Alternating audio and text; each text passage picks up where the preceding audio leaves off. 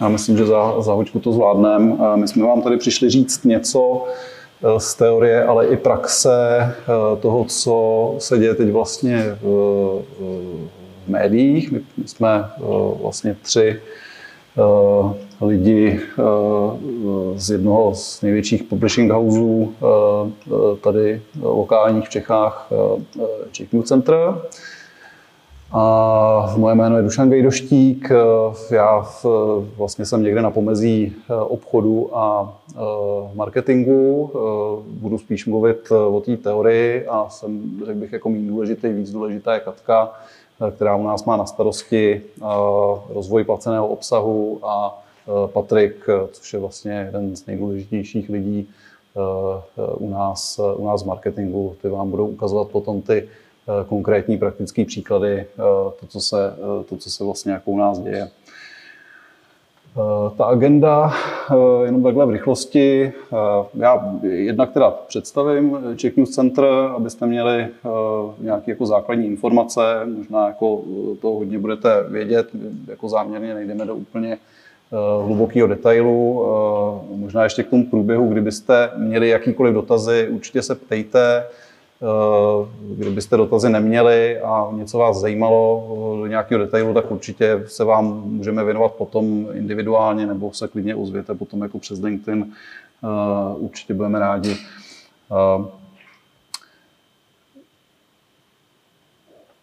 Já vlastně budu mluvit ještě krátce o tom, proč vlastně dochází k té transformaci a jak se nás to vlastně týká. No celý je to o tom, že vlastně ten business model tradičních médií fungoval na prodeji printových titulů a reklamních stránek a to je vlastně jako věc, která se teď jako výrazně samozřejmě s příchodem eh, různých jako nových digitálních médií eh, výrazně mění. Ono je to samozřejmě už jako delší doba, ale eh, nabírá to vlastně jako na rychlosti. Katka potom vlastně bude mluvit o tom soustředění nebo o té důležitosti vlastně soustředění se na, na uživatele, to znamená ten jako podnázev uživatel na prvním místě je zcela na místě a Patrik potom ukáže vlastně eh, konkrétní příklady získávání eh, nových publik eh, na e-sportu, což je vlastně jedna, jedna z našich značek. No a já bych začal možná jenom rychlou otázkou, jestli budete mít někdo odvahu nám říct, kam chodíte za obsahem. Kam za obsahem chodí třeba jako vaši rodiče nebo prarodiče.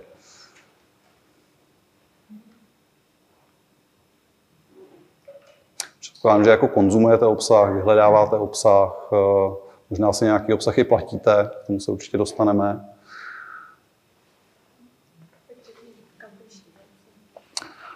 A možná napovím, že tahle krabička, jako, kterou vy možná znáte jako od malička, tak my jsme ji jako neznali a eh, ten obsah jsme si skutečně jako museli eh, kupovat buď to na papíře, nebo jsme ho sledovali v televizi, případně poslouchali, poslouchali v rádiu. V tom je samozřejmě eh, ten zásadní rozdíl, že ty eh, distribuční cesty se výrazně změnily, výrazně zrychlily a s tím obsahem dneska jsme vlastně díky tomu mobilnímu telefonu schopný trávit eh, prakticky jako daleko více času. Jo. Ten telefon je prostě věc, která je intimní, kterou mám pořád u sebe a myslím si, že velká část z vás to bude jako velmi velmi dobře znát z vlastního života. Uvidíte to potom i na nějakých číslech, eh, že vlastně ta starší generace eh, v tomhle tom funguje daleko konzervativněji a, eh, a jinak.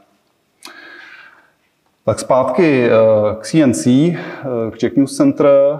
Czech News Center vlastně funguje tady na českém trhu od raných devadesátek. Postupně vlastně jako nakupovala různá média. Určitě jako z News Center je asi nejvíc spjatá eh, značka Blesku, což je deník, eh, zároveň samozřejmě, samozřejmě eh, jeden z nejnavštěvovanějších webů spravodajských, ale je tam celá řada vlastně jako dalších, dalších značek a platform zaměřených na různá publika, ať už je to E15 jako ekonomický vlastně speciál, společenský reflex, nebo potom Eh, tituly zaměřené eh, na muže, automoto, nebo, nebo naopak spíš na ženské publikum, jako, jako je moje psychologie, a potom na děti. A vzniká tam samozřejmě i celá řada eh, nových projektů, jako je třeba Heyfomo, možná budete znát, což je nová platforma, funguje rok, rok a půl, zaměřená zase jako na generaci Z, která třeba víc využívá na místo toho tisku nebo Eh, nebo i eh, webové prezentace třeba jako sociálních sítí k distribuci a monetizaci vlastně, eh, vlastně toho, toho obsahu. Czech News Center změnilo asi třikrát majitele. Vlastně v těch 90. letech to tady fungovalo tak, že se vlastně část těch médií zprivatizovala, vznikly tady nějaká vlastně nová média, vznikly tady komerční televize, hodně do toho vlastně investovali Eh, různé mediální skupiny eh, z Evropy, z Německa, z německy mluvících zemí, ze Švýcarska, eh, takže Czech News Center vlastně původně vlastnil Ringier švýcarský, potom Axel Springer, a pak vlastně zhruba před deseti lety se tady ten mediální trh začal měnit vlastnicky a směřovat vlastně do rukou lokálních místních miliardářských skupin. Eh, my jsme také vlastně součástí EPH eh, e eh, Daniela Křetínského ve spolupráci s GNT. No, Tady možná jenom krátce s tím, že naši akcionáři to vlastně s médií myslí vážně, investují do digitální transformace nejenom u nás, ale i Eh, na jiných trzích. To znamená, že kromě Czech News Center a těch našich značek, eh, tady vedle toho existuje Czech Radio Center, síť vlastně nejposlouchanějších eh, komerčních rádí. Určitě budete znát Evropu 2, frekvenci 1. Potom jsme poměrně silní na francouzském trhu, kde vlastně ty investice směřují opravdu jako napříč, ať už, ať už lifestylem, jako je třeba L, nebo tím jako tradičním tiskem, jako je Le Monde, nebo TFA. Vlastně e, e, CMI tam má podíl i v televizi a, a, a tak dále. Máme potom jako technologickou část, která, která vlastně zajišťuje ty transformační platformy a potom ještě vlastně produkci, produkci videa. Eh, tak, potom pro, pro představu eh, tady jenom grafík, eh, grafík toho, jak vypadá vlastně rozložení zásahů těch jednotlivých mediálních skupin v České republice pro vaši představu. Tady vlastně, já nevím, jestli je to vidět, ty první tři, to jsou, to jsou televize, Prima, Česká televize a Nová. Ty mají vlastně ten zásah pořád jako největší ale už eh, před nějakou dobou eh, vlastně ten eh, kumulativní zásah, tady to počítáme teda jako v rámci jednoho, jednoho měsíce crossmediálně, to, to znamená všechny vlastně ty, ty, ty média dohromady, tak tu pozici obsadili ty velké technologické firmy z Ameriky, to znamená Google a Meta, to je Instagram s Facebookem. A potom někde jako eh, v závěsu vlastně jsme my, CMI, dohromady vlastně s TNC s Activem, to jsou ty červený, eh, červený eh, sloupce, potom samozřejmě seznám, Mafra a, a ty další. Jo, takže to jenom pro představu. Samozřejmě je, je to nějaký pohled jako zásahu konkrétního počtu lidí, v té věkové skupině eh, široké 15 až 79 let, kdybychom se koukali třeba jako na čas strávený eh, s tím obsahem, tak eh, tam potom by zase ty karty byly rozdané třeba trošku jinak. Samozřejmě, že pořád vlastně jako toho nejvíc času stráví uživatelé u toho dlouhého obsahu, který produ, produkují televize logicky, když ten digitál to samozřejmě, samozřejmě dohání. Tak, tady ještě v nějakém jako lehkém detailu eh, pro představu, eh, eh, co to znamená v číslech, to naše portfolio.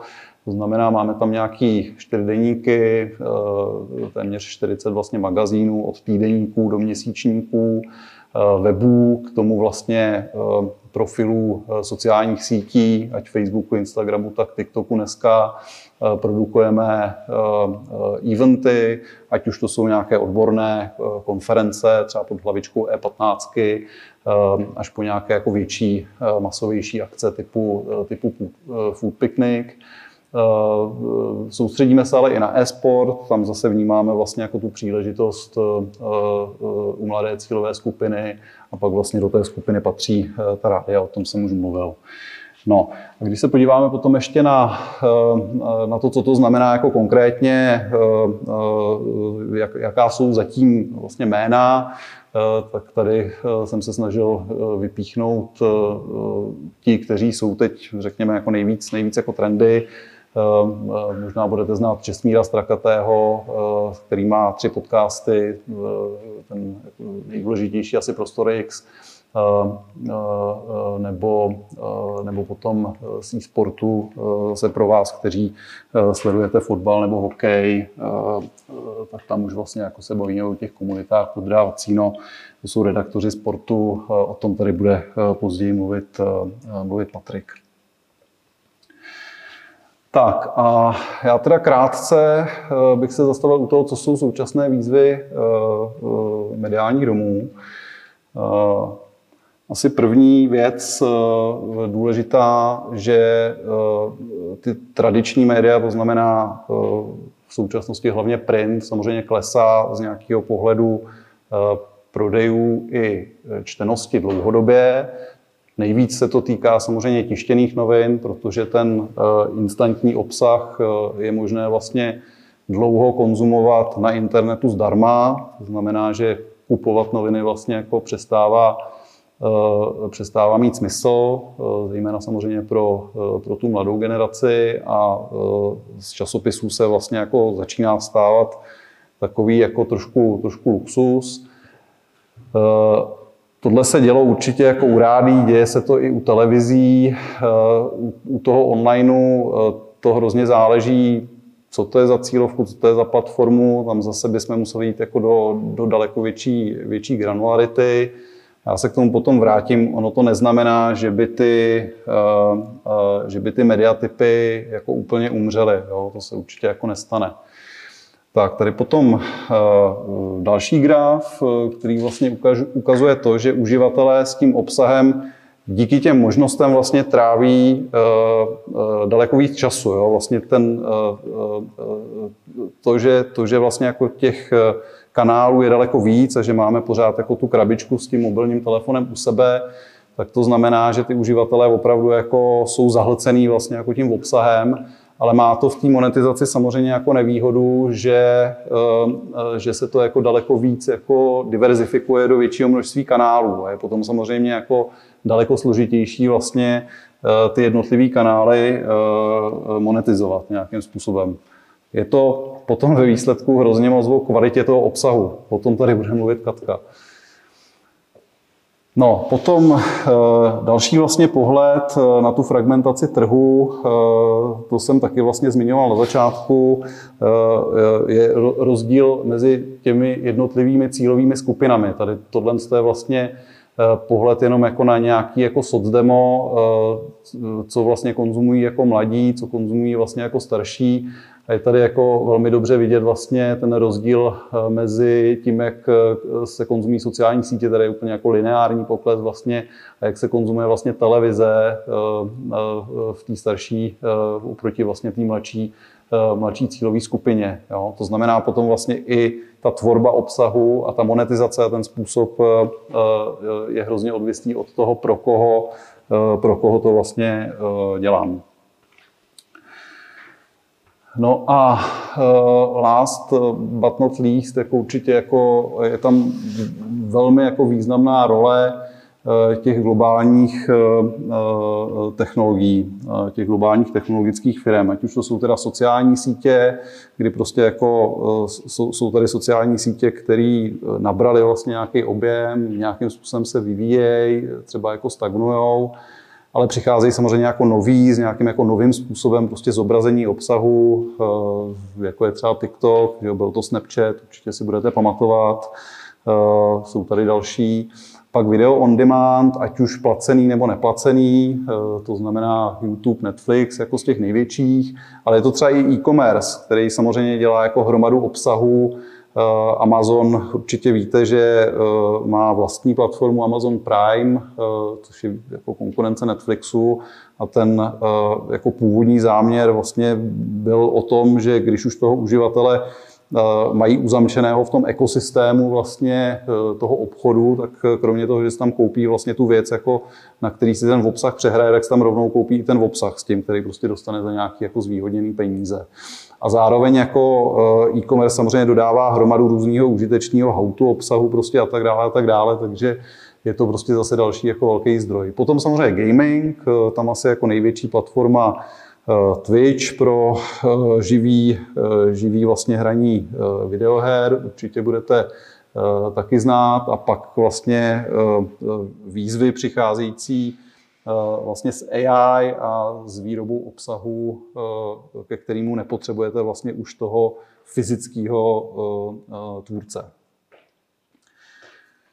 No, ale aby to nevypadalo tak, jako že, že ta situace je jako úplně strašně složitá a neřešitelná, tak ona určitě jako všechno nějaké řešení má. To znamená, jsou tam jako příležitosti, kterými vnímáme, Eh, který určitě jako vnímá, eh, eh, vnímají i kolegové mimo Českou republiku, v zahraničí, kde samozřejmě ty zkušenosti sdílíme a pracujeme na tom, aby, aby jsme byli prostě pořád relevantní.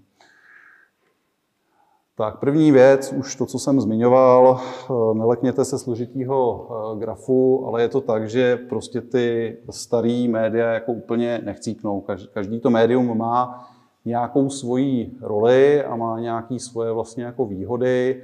Eh, tady třeba jako je graf, který ukazuje nějaký poměr mezi mezi tím, co za obsah je viditelného, skutečně skonzumovaného eh, a eh, čas, se kterým vlastně ten uživatel strávil, eh, strávil skutečně na, na, na té dané platformě.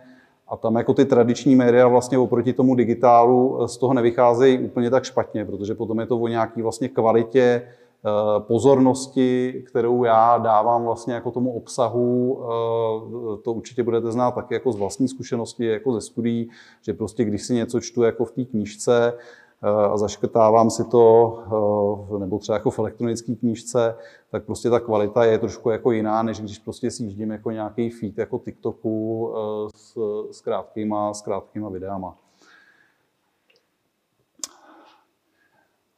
No, potom je ta příležitost určitě jako v nějaký diverzifikaci těch příjmů na, na více zdrojů. Jo. Pro vaši představu, Eh, dneska, když se bavíme eh, o tom, že prodáváme eh, časopisy a noviny na stáncích a prodáváme nějakou inzerci, tak když přišel digitál, začaly se prodávat vlastně internetové banery, to zase jako všechny otravovalo, takže se začalo nějakým způsobem jako experimentovat prostě s různými jako dalšími způsoby. A ty možnosti tam jsou, jo. Tady je prostě nějaký jako výčet, určitě prostě je toho jako daleko víc, co, co můžeme dělat ale eh, určitě mezi to patří nějaká jako monetizace dát, protože prostě přihlášený uživatel eh, je dneska, eh, dneska vlastně to nejcennější, co,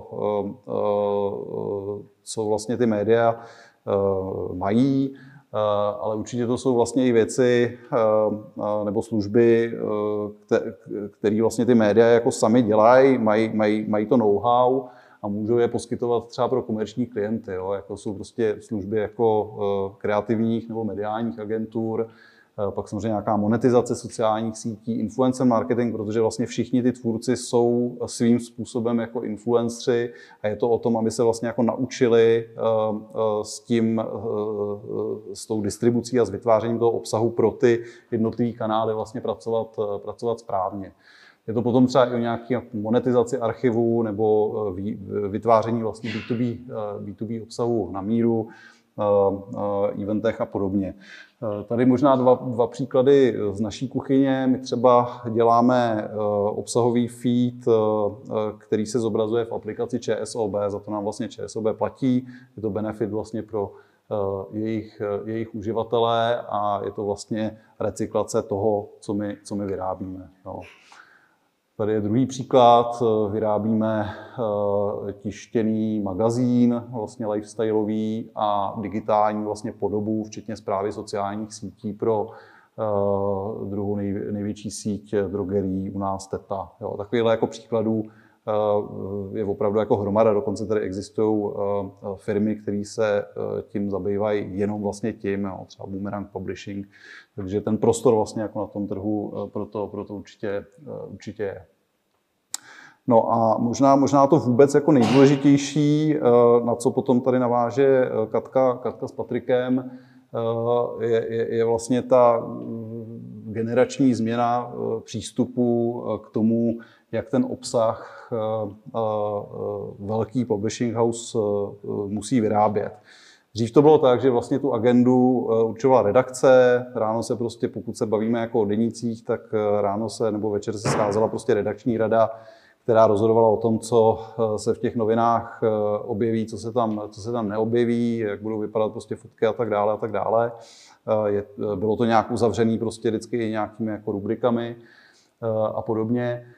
Eh, dneska tím, že máme jako eh, obrovské množství eh, uživatelských dat, ať už vlastně jako z návštěvnosti toho obsahu, z toho, jak se vlastně chovají na těch našich platformách, webech, ale samozřejmě i z výzkumu, nebo z toho, jak se chovají na sociálních sítích, tak my se musíme vlastně soustředit na to, aby ten obsah jsme vyráběli skutečně pro potřeby těch uživatelů, aby prostě pro ty uživatele byl byl relevantní. Takže tohle to si myslím, že je vlastně jako ta největší a nejdůležitější změna, protože ve výsledku ten obsah je uh, ten core, proč, proč to vlastně jako děláme, ten biznis.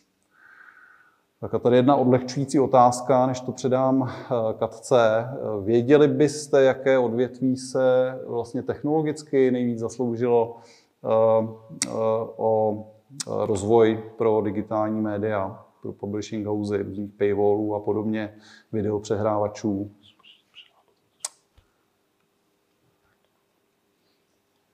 Málo se to ví, ale je to pornoprůmysl.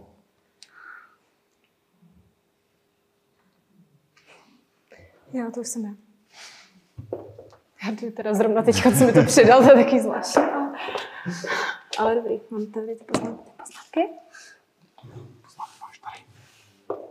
No, no vidím tady nemáš Jo, tam žádný jsou. Já to vezmu rychle, protože venku je strašně krásně a já vlastně nevím, jak moc jste insideri nebo nejste insideri z médií. Já teda mám unikátní zkušenost, protože uh, jsem šla studovat žurnalistiku na Holár, potom jsem nastoupila ještě v rámci studií do DVTV, tam jsem dělala přes pět let, nadále spolupracujeme. A DVTV je takový malý startup, který já věřím, že znáte. A tam prostě, co se řeklo, tak to se stalo. A potom jsem přišla vlastně do takové strategičtější role do CNCčka. A, a zjistila jsem, že prostě velký mediální dům má obrovský zásah, obrovský vliv. K nám vlastně na naše weby chodí přes 7 milionů uživatelů měsíčně, protože ani vy ani nevíte, co všechno za weby vlastně v, tom, v rámci toho našeho publishing houseu jako všechno je, takže určitě tam chodíte i vy, přestože strašně moc lidí říká, že nečte blesk, tak určitě tam taky chodíte. A není to jenom blesk. A vlastně je to hrozně zajímavá zkušenost si to porovnat mezi sebou. A já bych tady ráda jenom fakt krátce promluvila o tom, jak vlastně takovýhle velký kolosy, takovýhle velký publishing housey, uh, ať už je to prostě v Česku ekonomia, Mafra, nebo prostě my, tak jak musí přemýšlet o uživateli a vlastně o, o tom, jak můžou zvládnout tu krizi, anebo jestli vůbec je z toho nějaká cesta ven, protože co si budeme, média jsou odvětví, který ta krize určitě zasáhla, kor pokud jste jako printově založený publishing house, protože už jenom ceny papíru, covid a tedy, prostě dost to na nás dolehlo. Takže se musíme o to víc snažit. Já jsem začínala na, s médiema, vlastně s online médiema pomocí této ikonky. Věřím, že spoustu z vás nejsem o tolik starší než vy, doufám. A ještě takhle byla rozrastrovaná. A přijde mi to, že jako nikdo nic, nikdo nic, všichni, všechny média, všechna média nějakým způsobem fungovaly. A pak najednou prostě tohle se stalo. a veškerý jako obsah, který byl distribuovaný, to neřeknu nic nového, tak to, rychle, tak to zrychlím. Prostě zatímco předtím novináři a vůbec ty mediální domy a prostě publisheri fungovali jako ty gatekeepři těch informací, tak prostě z dob internetu samozřejmě se to celé změnilo a najednou prostě vznikaly ty, ty jako internetové deriváty těch médií a obsah se začal sypat zdarma, neomezeně i na internet. No a prostě naším úkolem tykom v roce, nejenom teda v letošním roce, protože už jako se o to snaží desítky publisherů, publisherů dlouhou dobu je vlastně nějak si stáhnout ty peníze od těch uživatelů zpátky. Protože ten obsah na tom internetu, který my teď konzumujeme, někdo musí vytvořit a ať se nám to tak zdá, tak není zadarmo. A je to docela jako million dollar question, bych to tak nazvala. Přijít na to, jak. Já tady mám takovou otázku, vy mi nikdo neodpovíte, ale jenom se zkuste zamyslet, kdo z vás si předplácí obsah na internetu, jakýkoliv. Uh, zkusím to. Je tady někdo, kdo si něco předplácí? A ah, jo, jste docela dost se vás je. A možná jenom jakoby zajímalo by mě, jestli to jsou vlastně nějaký média, jakože třeba Deník E, nebo třeba i to DVTV, kde jsme vlastně zakládali paywall někdy před třemi lety. A nebo jestli to je některá z těch služeb, to už vás možná bylo víc, že jo, co prostě si předplácí něco z tohohle, nebo aspoň je napíchnutý na jako účty vašich rodičů, nebo prostě kamarádů, nebo, nebo tak. Teď jsem, já jsem se sahala do svědomí a zjistila jsem, že prostě Netflix jsem napíchnutá u kamaráda, Disney Plus jsem napíchnutá u přítele, eh, YouTube Premium jsem napíchnutá taky u někoho a platím se jenom Spotify a, a zase u mě napíchnutý další asi čtyři lidi, takže prostě je to takový sharing, že jo. Ale vlastně proč tyhle ty aplikace a proč tyhle ty platformy tady mám je, protože vlastně to jsou ty největší hráči, který, příklady z nich, který nás vlastně naučili platit za obsah. Takže nám možná už teď nepřijde tak divný předplatit si Čestmíra, jako jeho podcast, nebo si předplatit Deník E, nebo něco podobného, protože prostě tyhle ty firmy nám řekly, my vám dáme super uživatelský zážitek, my vám dáme skvělý obsah a zároveň, jakože vy nám dejte nějaký peníze, protože prostě už není normální stahovat si to přes uložto, jakože možná to někdo děláte. Já jsem to dřív dělala, ale od té doby, co mám k dispozici tyhle ty platformy, tak už to nedělám, protože to je jednodušší, je to prostě transparentnější, nečekám, mám to všechno jakoby k dispozici. A v podstatě to je podle mě ta největší změna, která nám jako nám, těm lidem ze strategií mediálních nám jakoby prošlapala trošku cestu. Proč jsou tyhle ty aplikace nebo tyhle ty služby, platformy, prostě provozovatelé, dneska to jsou totálně globální hráči, že jo, prostě každý to každodenně používáte, mluví se o filmech z Netflixu, mluví se o všem těm, je to prostě téma. Proč jsou tak jako úspěšní? Tak už jsem to řekla, je tam prostě nejdůležitější je vždycky obsah, který mě nějakým způsobem baví. A pak tam jsou strašně moc jako feature, který nám nabízejí, protože oni nás potřebují tak jakoby namlsat a furt prostě ta konkurence je obrovská, taky se to diverzifikuje, takže pořád neustále vymýšlejí, co dalšího by nám mohli nabídnout. Takže někdy to je prostě zážitek bez reklam, ačkoliv vy víte, že prostě už jakoby vznikají i ty deriváty těch služeb, který v podstatě jakoby si musíte připlatit za to, abyste to měli bez reklam, například Netflix. Uh, nebo tam vlastně přijdete a už tam máte, jakoby můj profil samozřejmě vypadá jinak než profil mýho táty, od kterého to, si to já jakoby dopojuju, protože prostě táta se dívá na válečný filmy a já prostě dokola sjíždím prostě Gilmore Girls. A, takže mě to jako vyhovuje, že tam, že tam přijdu a už jsem v tom svém prostředí. Uh, ukládám si tam, když třeba letím letadlem někam, nebo zkrátka, jako, že mám to jako na později jsem to já, kdo rozhoduju o tom, co kde budu konzumovat, takže mě nikdo nic necpe, prostě se tam jakoby pohybuju v tom prostředí sama. No a už jsem o tom mluvila, neustálý přidávání nových funkcí na Spotify. Vy víte, že prostě dneska uh, podcasteři si tam můžou vložit rovnou videa. Docela nedávná funkce je komentování prostě podcastů na Spotify a tak dále a tak dále. Takže vlastně to jsou služby, které se neustále vyvíjejí. V podstatě mezi sebou závodějí o tom, kdo ještě nabídne lepší uživatelský zážitek a jaký ještě všechny funkce a jak prostě tohle. Takže jedním slovem, nebo no, není to jedním slovem, jsou to teda, doufám, že ten jsem rychle spočítá tři slova, prostě se snaží navazat vztah s uživatelem, jsou to tři slova, dobrý. A to je to, o čem bych tady teda dále ráda mluvila, protože ono v podstatě v těchto těch jako internetových službách došlo k totálnímu jako převratu a změně té ekonomiky. Uh, Dušan, kolega, tady mluvil o tom, jak jsme se dostali prostě z těch devadesátek na, do období internetu. Sure, to už jste jakoby všichni slyšeli určitě, protože prostě jste to žili. Takže to jakoby vlastně je dobrý si to zopakovat. Je to taky dobrý pro to, abyste si uvědomili, že ty novináři, se kterými vlastně my pracujeme, nebo ty novináři, kteří pro vás ten obsah, nebo prostě mediální tvůrci už dneska vlastně spíš než novináři, ten obsah tvoří, tak vlastně jako z nějakého ještě jako relativně velkého procenta jsou to tyhle ty lidi z těch devadesátek. To znamená, že oni se to museli všechno znova naučit a učí se to každý den, o tom ještě budeme mluvit dneska. Jo? Že vlastně nejsou to jenom ty youtubeři, kteří už jakoby vyrostli na tom YouTube a, a prostě tiktokeři a takhle, ale prostě ten klasický obsah pro vás tvoří tyhle lidi a ty to potřebují všechno střebat a naučit se to dělat znova. A vlastně ty změny jsou každodenní. Jo? Je to opravdu jako náročná práce a my jim v tom provázíme a musíme jim v tom pomoct, tak aby prostě i pro vás furt zůstaly relevantní. A tady ještě k tomuhle grafu. V podstatě dneska se všechny tyhle ty mediální služby musí točit okolo toho uživatele. Zatímco dřív jsme měli nějaký produkt, to znamená třeba, nevím, video, a potom jsme přemýšleli, jaký máme různý kanály a jak vlastně těma kanálama ho dostaneme prostě k těm uživatelům. Tak to je nějaký jakoby old way of thinking. Dneska co, to, co by my jsme měli dělat a to, co my se snažíme nějak probořit, i když je to někdy těžký, je to, že vlastně ten uživatel je prostě v centru toho dění a všechno se točí okolo něho.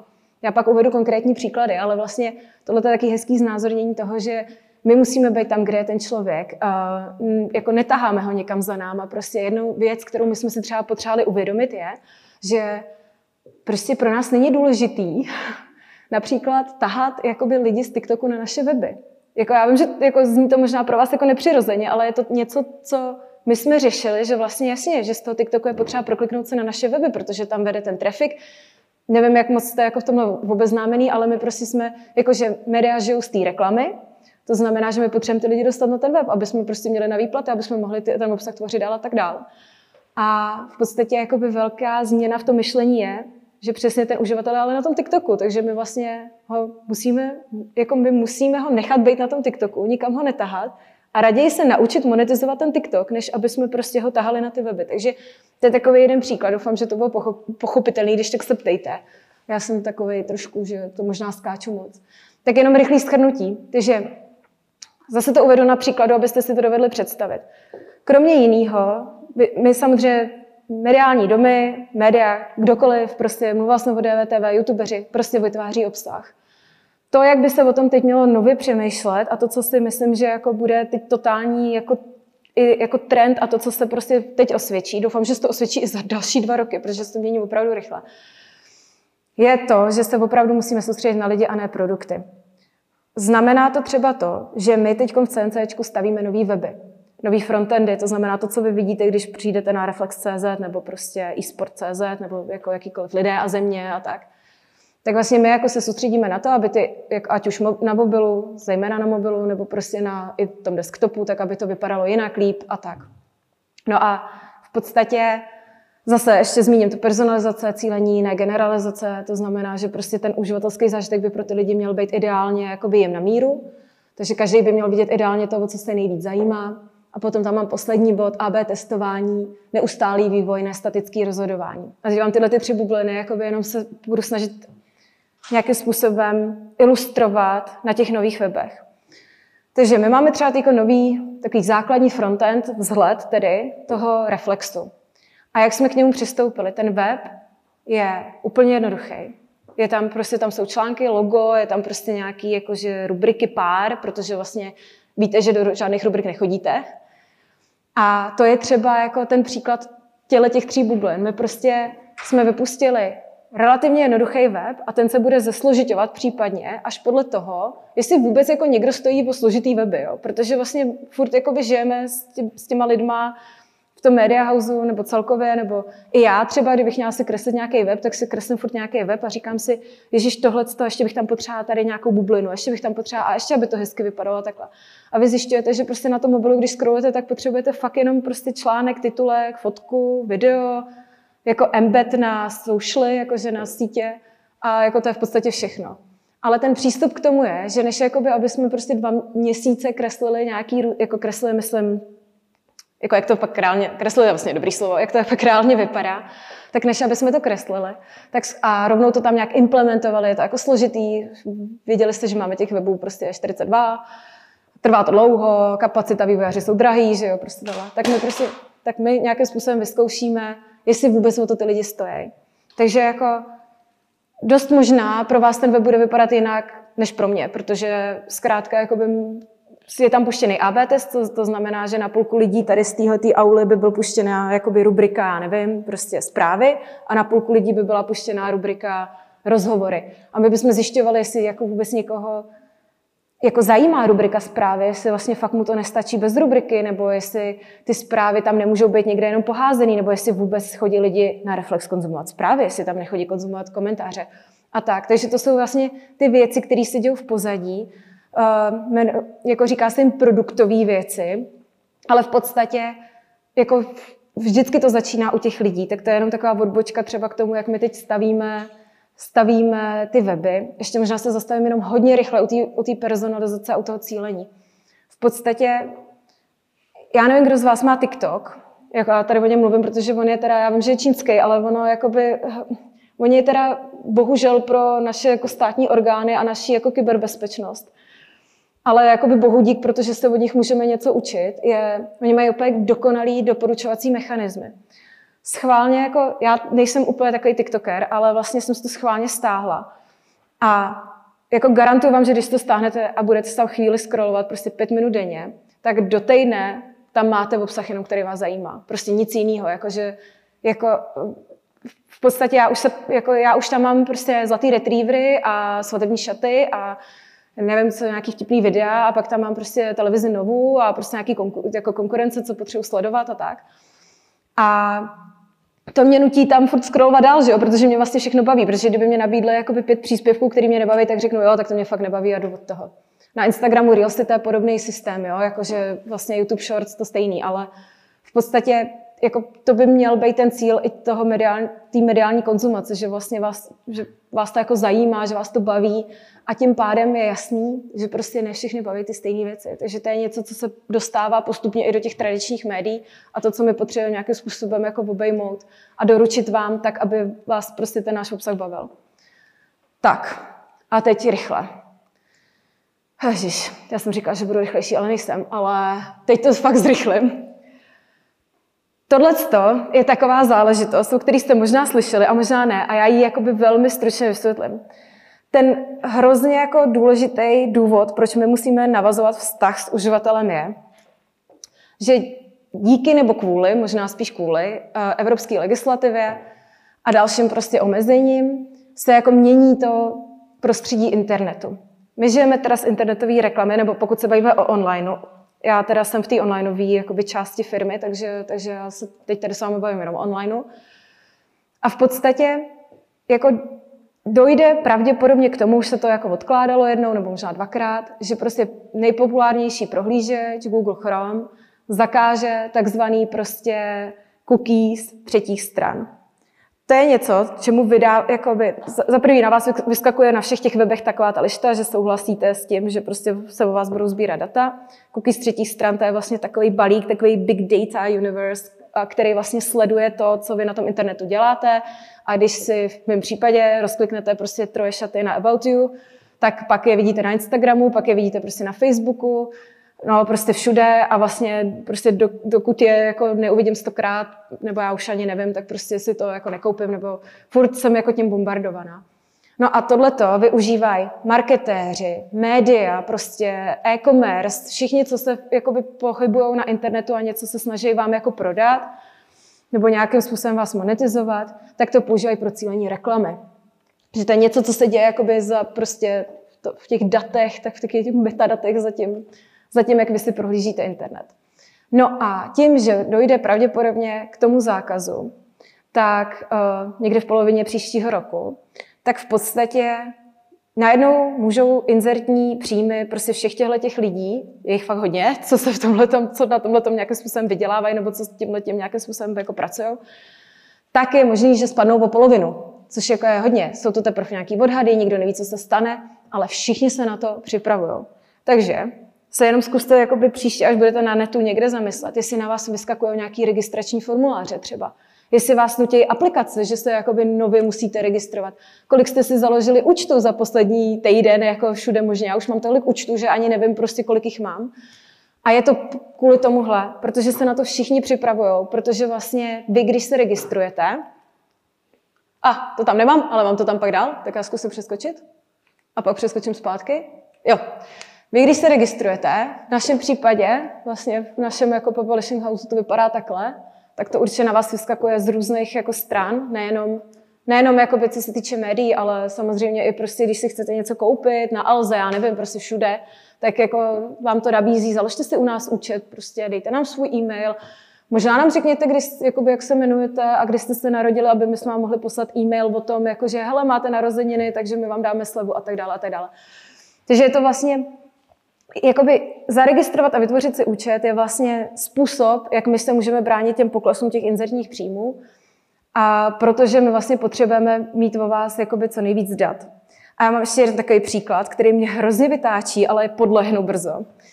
Já bydlím v Nuslích a my tam máme takový Tesco Express, což jako je fakt strašná, jako je strašný obchod, jo, ale, ale dobře, no, tak a když je nejhůř, tak tam jdu, protože prostě jinak tam prostě Lidl zavírá v 8, chápete. No a, a teď jako pan ministr, prostě čeho je on? Zemědělství, myslím. Zemědělství nekula. Říká, že máte nakupovat věci v akcích, protože je ta vysoká inflace a tak.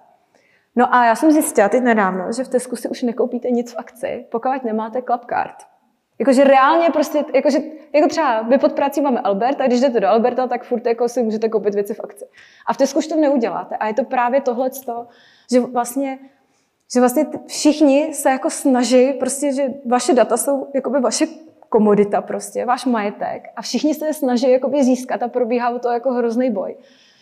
Já třeba jako to přijímám, mě, na to mi přijde nic špatného, je mi prostě celkem jedno, jako, že kdo, jako, ať se klidně podívají, že si kupují prostě zlevněný, já nevím co. Ale někdo s tím může mít problém.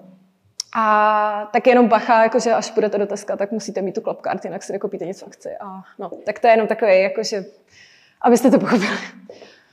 No a teď, rychle.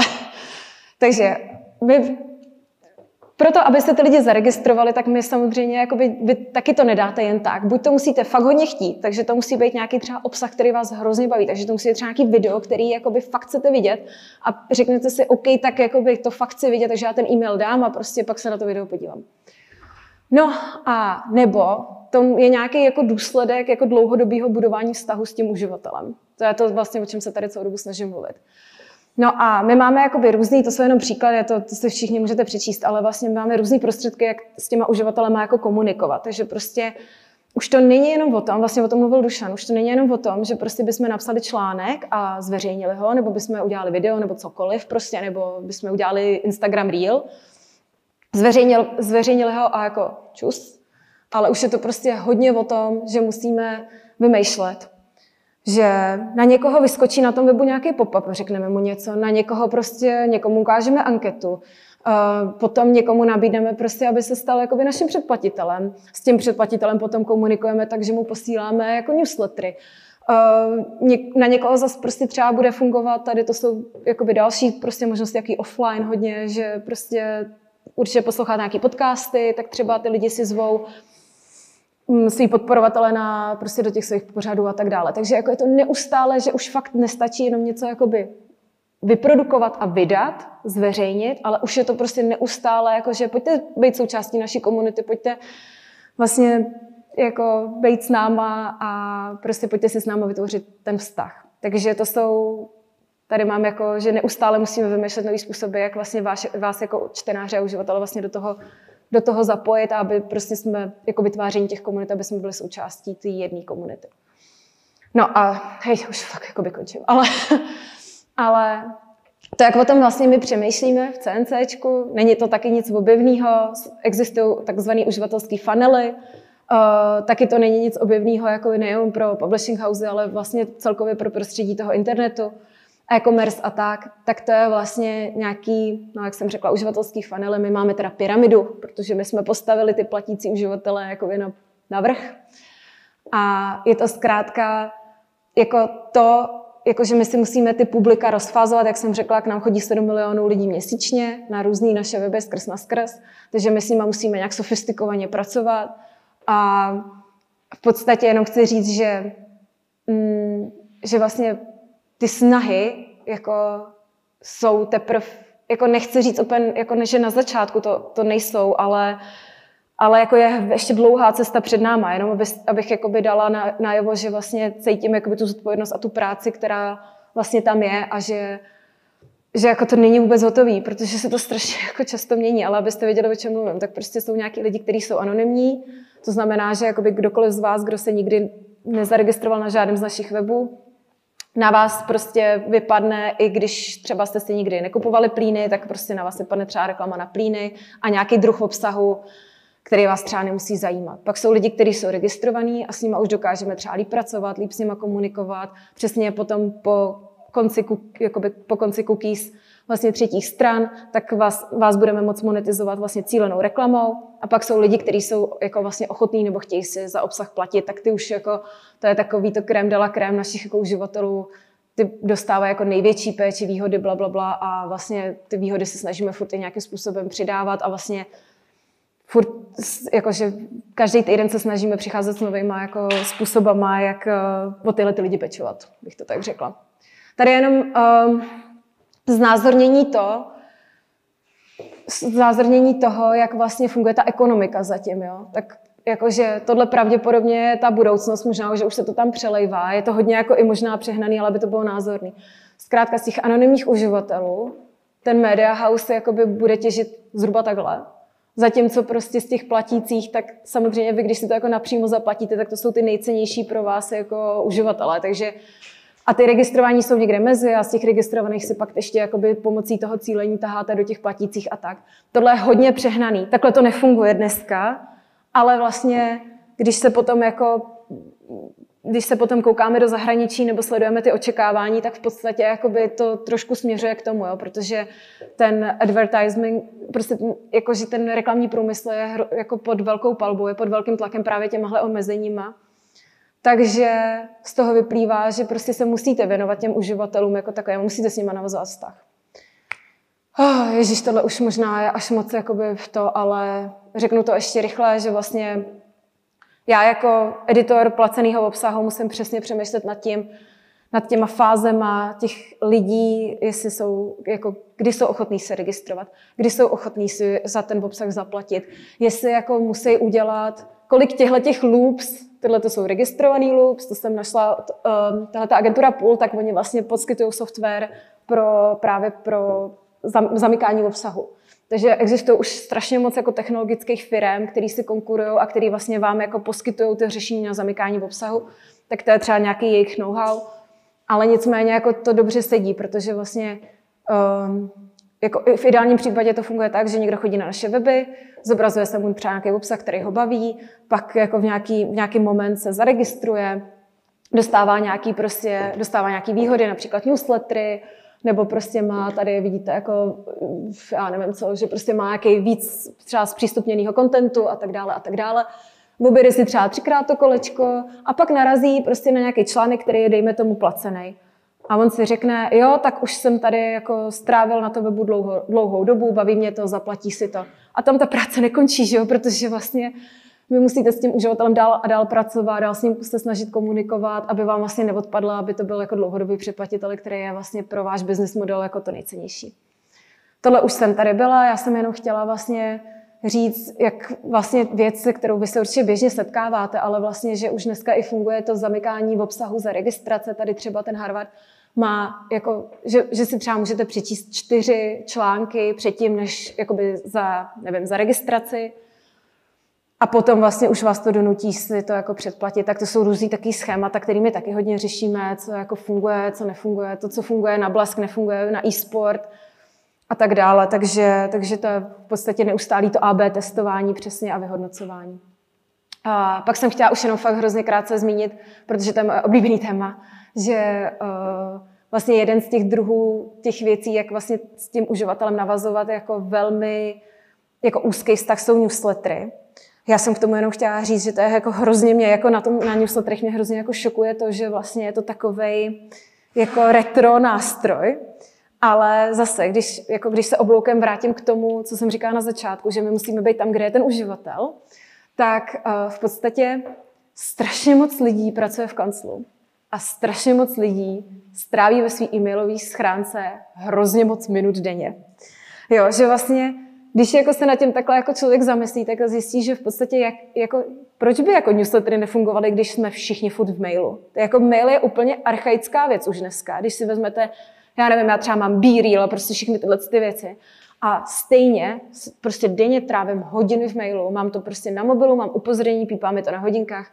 Takže v podstatě jako, jako jenom mě přijde jako přijde mi na tom dobrý ten moment, že to je takový jako znovu objevení těch newsletterů teď, co, co prostě zažíváme. A ty velký publisheři vlastně díky nim drivujou ten engagement těch uživatelů, drivujou tam subscription. A my se o to taky snažíme.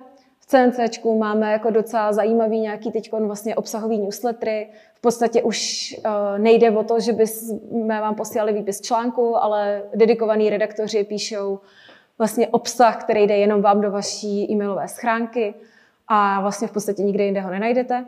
A my tomu teda říkáme obsahový newsletter, já nevím, jste terminus technicus, ale říkáme tomu tak. A jenom chci říct, že vlastně je to taky hrozně zajímavý pro inzerenty, protože je to zase další kanál, kde my v podstatě můžeme říct, to, vy tady máte hrozně engageovaný publikum, jako který si jako od, který se samo přihlásilo k tomu, že bude něco odebírat za náš obsah. Zároveň my o těch lidech máme strašně moc informací. Jo? My víme, jakoby, kdo jsou ty lidi, jest, kolik z nich si to otevře, kolik času tam stráví, jestli si na něco z toho newsletteru kliknou. A tohle to přesně to jsou ty informace, kterými potom můžeme v podstatě jakoby nabízet různým firmám a můžeme prostě ty newslettery mít sponzorovaný a tak dále. A zase třeba já, já jsem jako častý odběratel newsletterů různých. Uh, kdyby vás to bavilo, tak moc doporučím třeba BuzzFeed, který má jakoby totálně skvělý newsletterový program. Například uh, před Vánocema, že, nebo to má myslím New York Times, ale že vlastně New York Times loni mělo před Vánocem má 30-denní vánoční program, že každý den vám přišlo něco vánočního do e-mailu. Takže tam bylo třeba nějaký fun facts o Grinchovi, nebo jak si udělat perníkový laté. A takhle to prostě chodilo 30 dní až do Vánoc. BuzzFeed má zase newsletterový program udělaný, takže si můžete třeba objednat na jaře newsletter program Jarní úklid, takže vám zase chodí jako Marie Kondo, co máte prostě den za dnem udělat. No tak to je jenom tak jakože tak zmiňuji jako takové věci, co mě baví a myslím si, že s tím jde hrozně kreativně pracovat a a reálně jakoby vznikla zase nová pozice v těch jako newsroomech, jo? takže vlastně je potřeba newsletter editor. Někdo, kdo prostě se bude specializovat jenom na tohle. Takže, takže to je jako takový zajímavý vývoj. No a tohle už jako jenom dobíhám vlastně ty příklady toho, jak je důležitý vlastně pracovat s tím uživatelem, jak s ním navazovat ten vztah a že se vlastně všechny ty firmy snaží tomu, toho uživatele jakoby ještě víc prostě do toho zapojit a monetizovat. Říkám, předplatný není nic novýho, přestože prostě je to pro, mnoha, pro mnohý z nás jako nepříjemný. Já už taky vlastně, já už si platím i stravu, prostě všechno, jakože, protože mě to vlastně přijde hrozně pohodlný. A v podstatě jakoby každý se snaží nabízet větší a větší služby. Nevím, jestli někdo z vás jezdí na filmový festival do Karlových Varů. Loni ho nově sponzoroval Rohlík. Rohlík má svoji službu Premium a ve Varech měl pro prémiový lidi takovou celou zónu udělanou, prostě, kde oni měli, já nevím co, hot dog zdarma nebo něco takového. Prostě. A možná vás eh, minulo, nebo možná ne, nevím, že vlastně už i třeba automobilky zavádí vlastně předplatné jakoby systémy, předplatné programy eh, na různé funkce eh, do aut. Takže je to takový, členství ve Fitku není nic nového, ale zase je to přívěstách. Tady jenom ještě posledně z, z, jakoby zobrazení toho, to teď nedávno byla taková studie v eh, UK, kde se ptali jejich publisherů, takže je to teda z, prostě z anglosaského prostředí, ale kde se ptali na to, v čem vlastně vidí největší jakoby, potenciál nebo v čem budou nejvíc růst v následujících letech, třech letech, myslím, že tam je o třech letech, tak vidíte, že to subscription je prostě na prvním místě, že jakoby ve všech těch ve všech těch, ať už ve vztahu B2B, tedy k firmám, anebo vyloženě k tomu uživateli. No. Takže je to něco, co my prostě musíme jako vzít v potaz a co bychom měli rozvíjet. Poslední slide ode mě. Uh, já jsem CNC teď přes rok. Uh, v podstatě, když jsem nastoupila, tak nějaký, vlastně nějaký premium subscription už tam existovalo. Uh, s tehdejším mým šéfem jsme se snažili o vlastně nějakou konfiskaci, nějakou prostě nějaký vylepšení a celkově jako podporu toho placeného obsahu. Uh, v podstatě teď máme premium na devíti webech, budeme ho dál rozšiřovat ale budeme se s ním víc hrát a jenom chci říct, že přesně to, co jsem říkala, že v podstatě se snažíme probourat ten systém toho, kdy se soustředíme na ty uživatele a vlastně, aby jsme monetizovali ty lidi, co monetizovat jdou, aby jsme prostě byli tam, kde ty lidi jsou a aby jsme jim hlavně, hlavně nabídli v obsah, za který reálně chce někdo platit. To je ode mě všechno. Možná tam mám ještě otázku, počkat. Jo. Které médium zavedlo jako první paywall? Nevím, víte někdo z vás? OK. Většinou lidi typujou, a je to hodně dobrý tip, většinou lidi typujou rok 2010, kdy prostě implementoval paywall New York Times, protože ty samozřejmě jsou jako, jako nejznámější nejdál a tak, ale je to hrozně zajímavý. Já jsem se tomu taky dívala. Byl to Washington, ježíš, teď nevím, jestli Washington Post nebo Wall Street Journal, ale to je jedno, prostě jeden z těchto z těch, ale bylo to už důležité i ten rok, protože to bylo v roce 1999.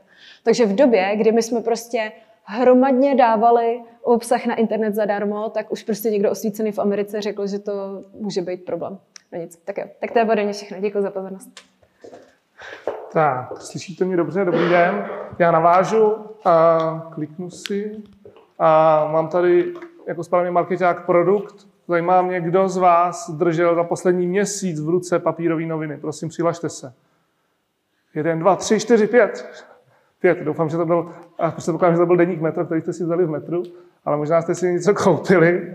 Nicméně uh, já jsem brand manager pro sport a i e-sport, jak vidíte, a deník sport je vydávaný od roku 1963. Mám tam potom i nějaký další tituly, takže vám to tady pak nechám a můžete si vzít, mám tam i blesk, jestli se vzít i blesk, nebo aha, nebo další. ano, to je pravda. Pardon, že to přemýšlíme, jak ji jako digitalizovat, tu dívku blesku, jakože třeba jestli by nepnala tady. Jsem třeba nějak pomocí AI neměla třeba říkat nebo no. Kromě digitalizace dívky blesku, tak chci ukázat vlastně, jak se mění ten svět z pohledu té redakce, kterou tady tak nějak jako částečně zastupuji, ačkoliv já jako nejsem novinář. Tak uh, někdy teda v tom roce 63 vznikly uh, noviny, tehdy to byl týdenník Sport, ne, po, po nějaký době to byl už deník který stále vychází, to se vám tady ukázal Lukas. A potom někdy, eh, nevím přesně kdy, v roce 2003 zhruba vznikl web eSport.cz, kam se prostě ten obsah zhrnul, že se vzalo to, co vyšlo v novinách a nějakým způsobem se to překlopilo na ten web. To samozřejmě dneska už zdaleka, zdaleka nestačí. My ten obsah, a to k tomu hodně mluvila Katka, a já to potom ukážu na nějakých už konkrétních, konkrétních příkladech, my ten obsah musíme směřovat tam, kde jsou ti uživatelé, to znamená čtenáři, posluchači, eh, co se dívají na videa a podobně. A není to o tom, že my ten obsah, který tvoříme pro noviny nebo pro, uh, pro ten náš web eSport.cz nebo pro jakýkoliv další web, jenom prostě vezmeme a nějak ho tam jako rozdrobíme. Každá ta platforma, kterou tady vidíte, má svoje specifika. A my se ty specifika učíme nějakým způsobem naplňovat, tak aby jsme zaujali toho konkrétního uživatele. Jeden příklad na projektu, který vznikl u nás v redakci eh, sportu zhruba eh, v lednu tohoto roku. Kdo z nás zná fotbal, možná znáte tyhle ty dva naše redaktory, Jan Podroužek, Jan Vacek. Jsou to dva redaktoři, kteří píšou o fotbale. Eh, vytvořili si sami nějakou docela silnou komunitu lidí na Twitteru, kteří je sledovali, se kterými nějakým způsobem interagovali, se kterými diskutovali což je super. Novináři hodně fungují na Twitteru a je to vlastně pro ně velmi jednoduchá platforma, jak budovat, budovat svůj brand eh, relativně zadarmo. A my jsme vzali tyhle ty dva redaktoři a řekli jsme si, že s nimi chceme udělat nějaký projekt. A že je chceme víc ukázat tomu našemu publiku, protože pro nás jako pro e-sport je fotbal by far číslo jedna z hlediska toho, co ty lidi u nás konzumují. A zvolili jsme formou videocastu, takže točíme vlastně tady ty dva redaktory spolu s jiným moderátorem, sedí prostě klasický podcast v podstatě, ale točíme je na video, tak aby jsme to mohli rozpadávat do těch dalších platform. S tím, že my jsme si neřekli, že chceme mít největší počet views u nás na webu, protože víme, že prostě nemáme dokonale technický eh, přehrávač, to prostředí není úplně příznivý, pracujeme na tom, ale my víme, že ty lidi mají potenciál mít dobrý zásah na těch sociálních sítích. Takže jsme si od začátku přesně nalajnovali, jak ten podcast, který trvá 40-50 minut, co z něho potom budeme eh, rozsekávat a kam to budeme dávat na ty sociální sítě. To znamená, že máme nějaký hlavní video, který běží každý v pondělí na e-sport, na YouTube, v podcastových aplikacích, tak jako klasický podcast, ale ano.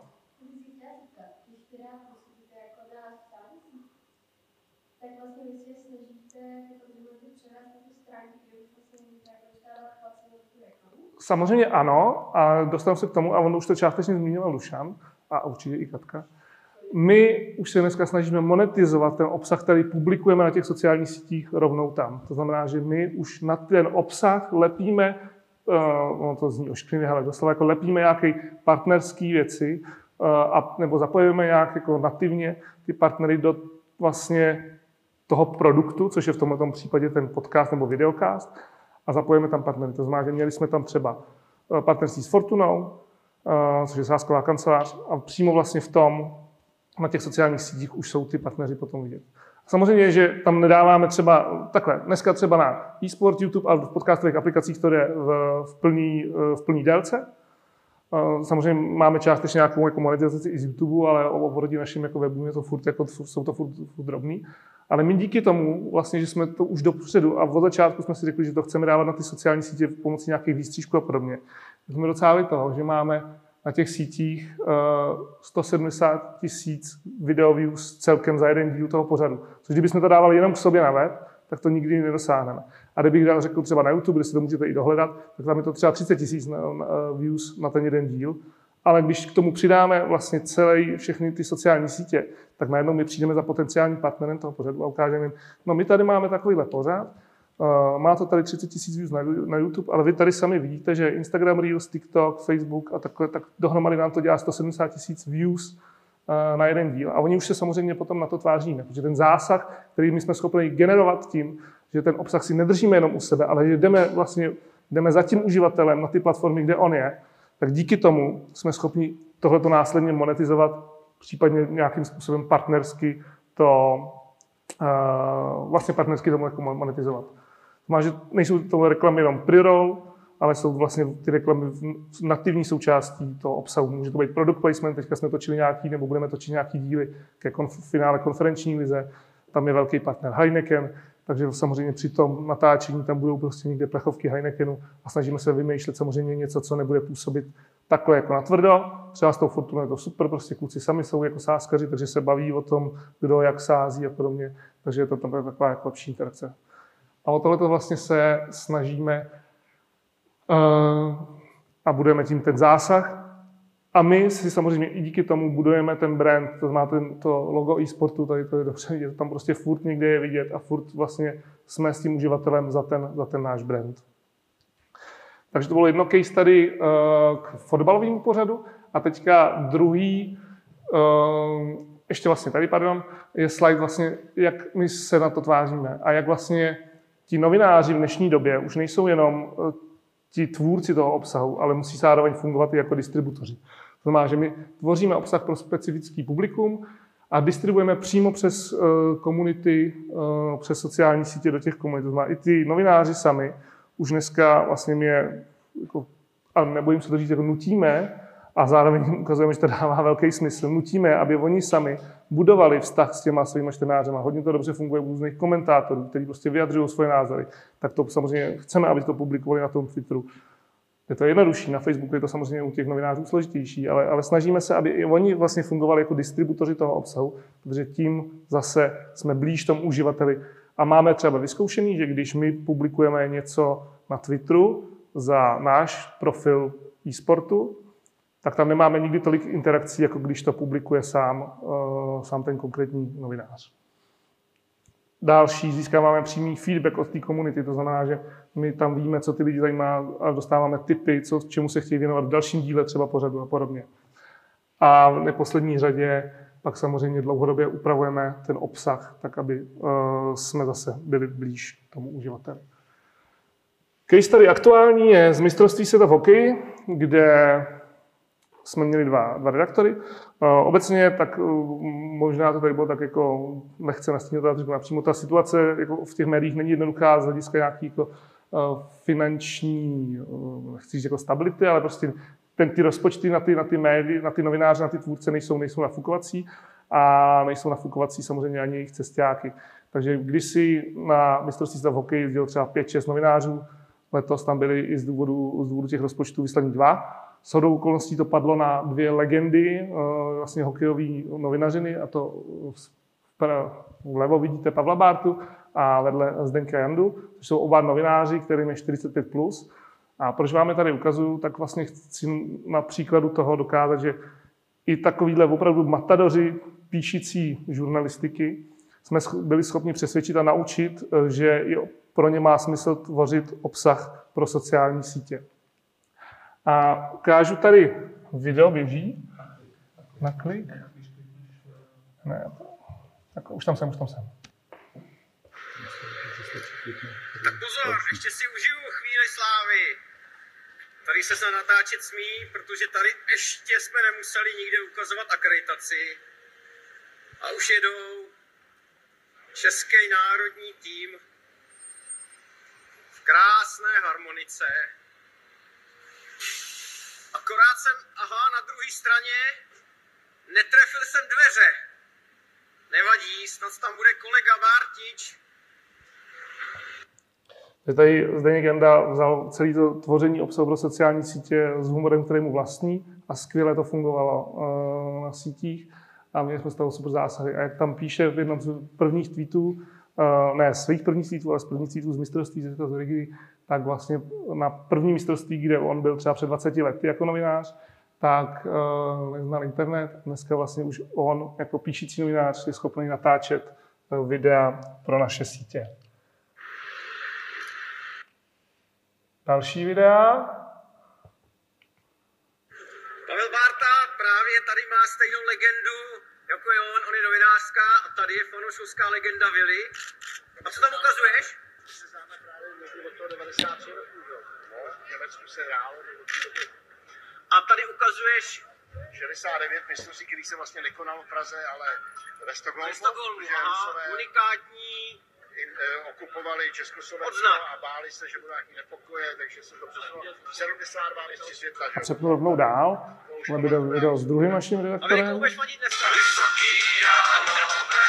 A tady video, který nám poslali kluci a u nás náš social media tým ho jednoduše předělal uh, do TikTokového videa, kdy tam dal uh, vysoký jalovec a tohle video mělo samotný třeba přes uh, 30 tisíc views na, na TikToku.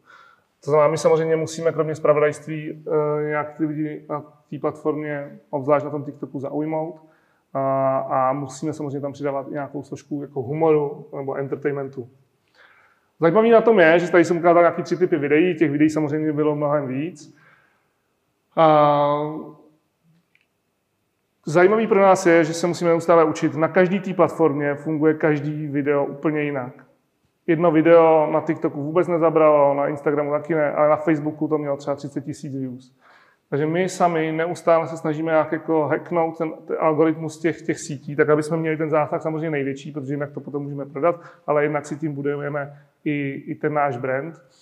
A tím jsem chtěl vlastně jenom ukázat touhle druhou case tady z, z toho hokeje, že vlastně i ti opravdu jako novinářští, jako matadoři, se musí mm, změnit eh, v tom, jak, jak oni vlastně pracují. Že už prostě dneska to nestačí, že píšou jenom nějaké články a dělají si rozhovory a píšou si články do vodovských dokumentů, ale my po nich chceme, a oni to začínají chápat, že je to potřeba, po nich chceme, aby by opravdu uh, zabídali celou tu šíři uh, vlastně toho publika, tak aby servírovali tomu publiku to, co to publikum chce a hlavně na ty platformy, kde jsou. Za mě všechno.